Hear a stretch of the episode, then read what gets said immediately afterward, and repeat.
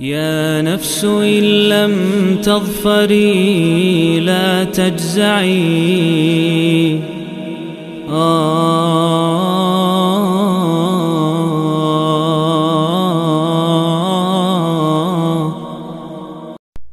Bismillah, alhamdulillah, wassalatu wassalamu ala rasulillahi amma ba'du Para hadirin sekalian dirahmati Allah Ini lanjutan serial 114 hari menyambut bulan Ramadan Dan sekarang kita memasuki surat ke-39 Surat Az-Zumar. Az-Zumar sendiri artinya eh, rombongan-rombongan Jamak dari Az-Zumroh.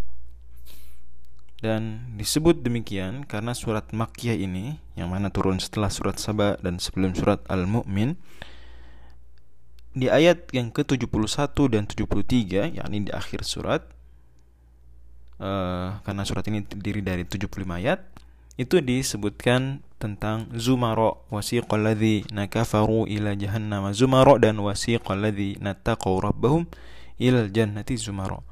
Orang-orang yang ingkar kepada Allah Subhanahu wa taala, Allah Subhanahu wa taala giring ke neraka jahanam secara rombongan demi rombongan zumara. Dan begitu pula orang-orang yang bertakwa kepada Rabb mereka diajak ke surga, didampingi ke surga uh, dengan kondisi berkelompok, berombong-rombong, kelompok-kelompok.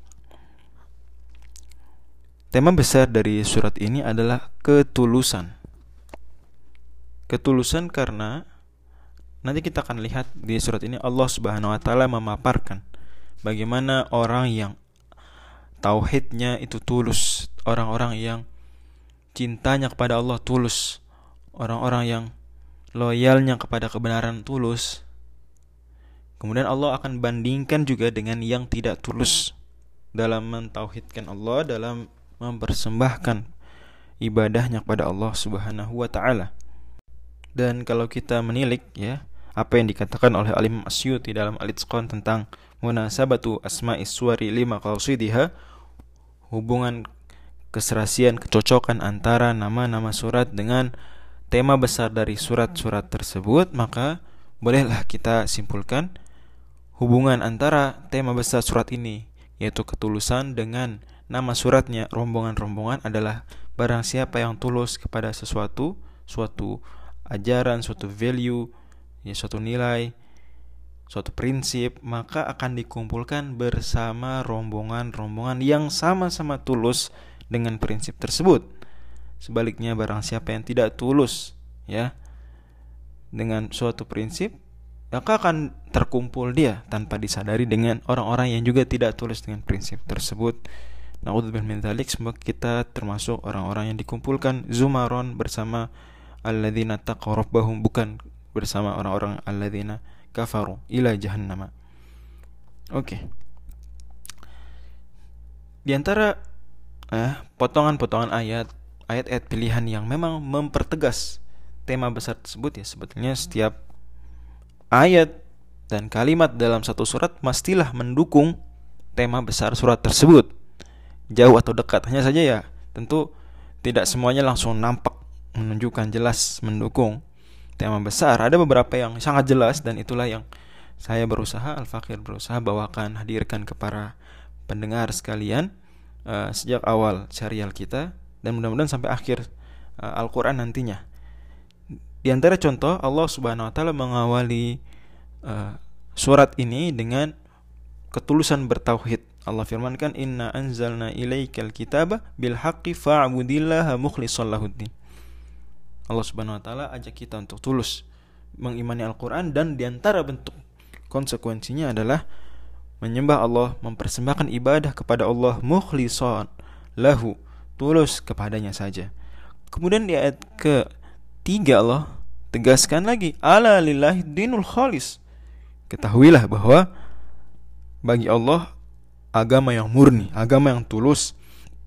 Sementara orang-orang yang tidak tulus ya ibadahnya tidak murni tauhidnya tercemari dengan kemusyrikan mereka bagaimana walladzina takhadhu min dunihi awliya menjadikan selain Allah sembahan-sembahan na'buduhum illa zulfa kata mereka kami menyembah Allah juga kok Hanya saja kami menyembah, mempersembahkan sebagian ibadah kepada berhala-berhala, kepada selain Allah ini agar mereka liyuqarribuna ilallahi zulfa mendekatkan kita kepada Allah. Ini tidak tulus berarti ibadahnya.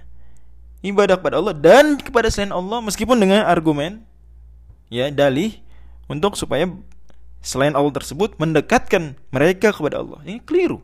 Ibadah kepada Allah harus tulus. Ala dinul khalis. Allah Subhanahu wa taala gambarkan lagi ketidaktulusan uh, peribadahan mereka kepada Allah. Kata Allah di ayat ke-8, "Wa idza massal insana dhurrun." Ya, jika seorang jika manusia ditimpa dengan mara bahaya, sakit misalnya, bagaimana? Da'a rabbahu muniban ilaihi. Maka dia berdoa, tobat padanya. Tapi thumma idza khawwalahu ni'matan minhu nasiya ma kana yad'u ilaihi min qabl. Kalau sudah sehat lupa lagi, musyrik lagi, maksiat lagi, naudzubillah tidak tulus. Dan menariknya di surat ini ayat yang sangat mirip dengan ayat ke-8 ini diulang lagi di ayat ke-49. Nah, kemudian di antara bentuk ya bahwa paparan Allah Subhanahu di surat ini banyak sekali paparan pada Allah berupa argumen logika, argumen kauni dan seterusnya untuk menegaskan hanya Allah yang berhak untuk diberikan persembahan ibadah tulus kepadanya. Kata Allah, "Alaihissallahu bikafin abdah." Bukannya Allah saja yang mencukupi hambanya. Di ayat lain di ayat yang ke 38 Allah Subhanahu wa taala tanya, "Siapa kalau ada bahaya yang melindungi kalian?" Gak ada. Siapa yang ngasih rezeki kalian? Gak ada. Makanya Allah Subhanahu wa taala di ayat 53 kemudian ajak untuk bertobat. Ayolah bertobat. Qul ya ibadiyalladzina asrafu ala anfusihim. Tobat yang tidak tulus bertauhid, tidak tulus beribadah. Bahkan para nabi pun Allah tegaskan ancam dalam tanda kutip ya. Mereka kalau tidak tulus beribadah, kata Allah Subhanahu wa taala, ya. Qul afa ghairallahi ta'muruni a'budu ayyuhal jahilun wa laqad uhiya ilaika wa ilal ladzina min qablika la in asyrakta la yahbatunna amaluk. Di ayat 65. Nabi pun akan sirna amalnya kalau tidak tulus bertauhid. Dan demikianlah ini akhir surat sebelum kita masuk ke surat-surat Hamim. Ada hubungan banyak ya dengan surat sebelumnya surat Fatir surat 35 menunjukkan keagungan nikmat Sang Maha Pencipta yang kemudian nikmat-nikmat tersebut semestinya membuat kita yakin akan benarnya hari berbangkit tema besar surat Yasin. Dan di hari berbangkit itulah akan terbukti makin jelas tidak hanya di dunia tapi juga di akhirat pemulihan terhadap hamba-hamba Allah yang istimewa surat As-Saffat. Dan untuk mencapai kedudukan istimewa sebagai hamba Allah yang dimuliakan tersebut, maka kita butuh kesabaran surat Sot dan butuh ketulusan surat Az-Zumar dan sabar itu adalah bukti ketulusan wallahu alam bisawab.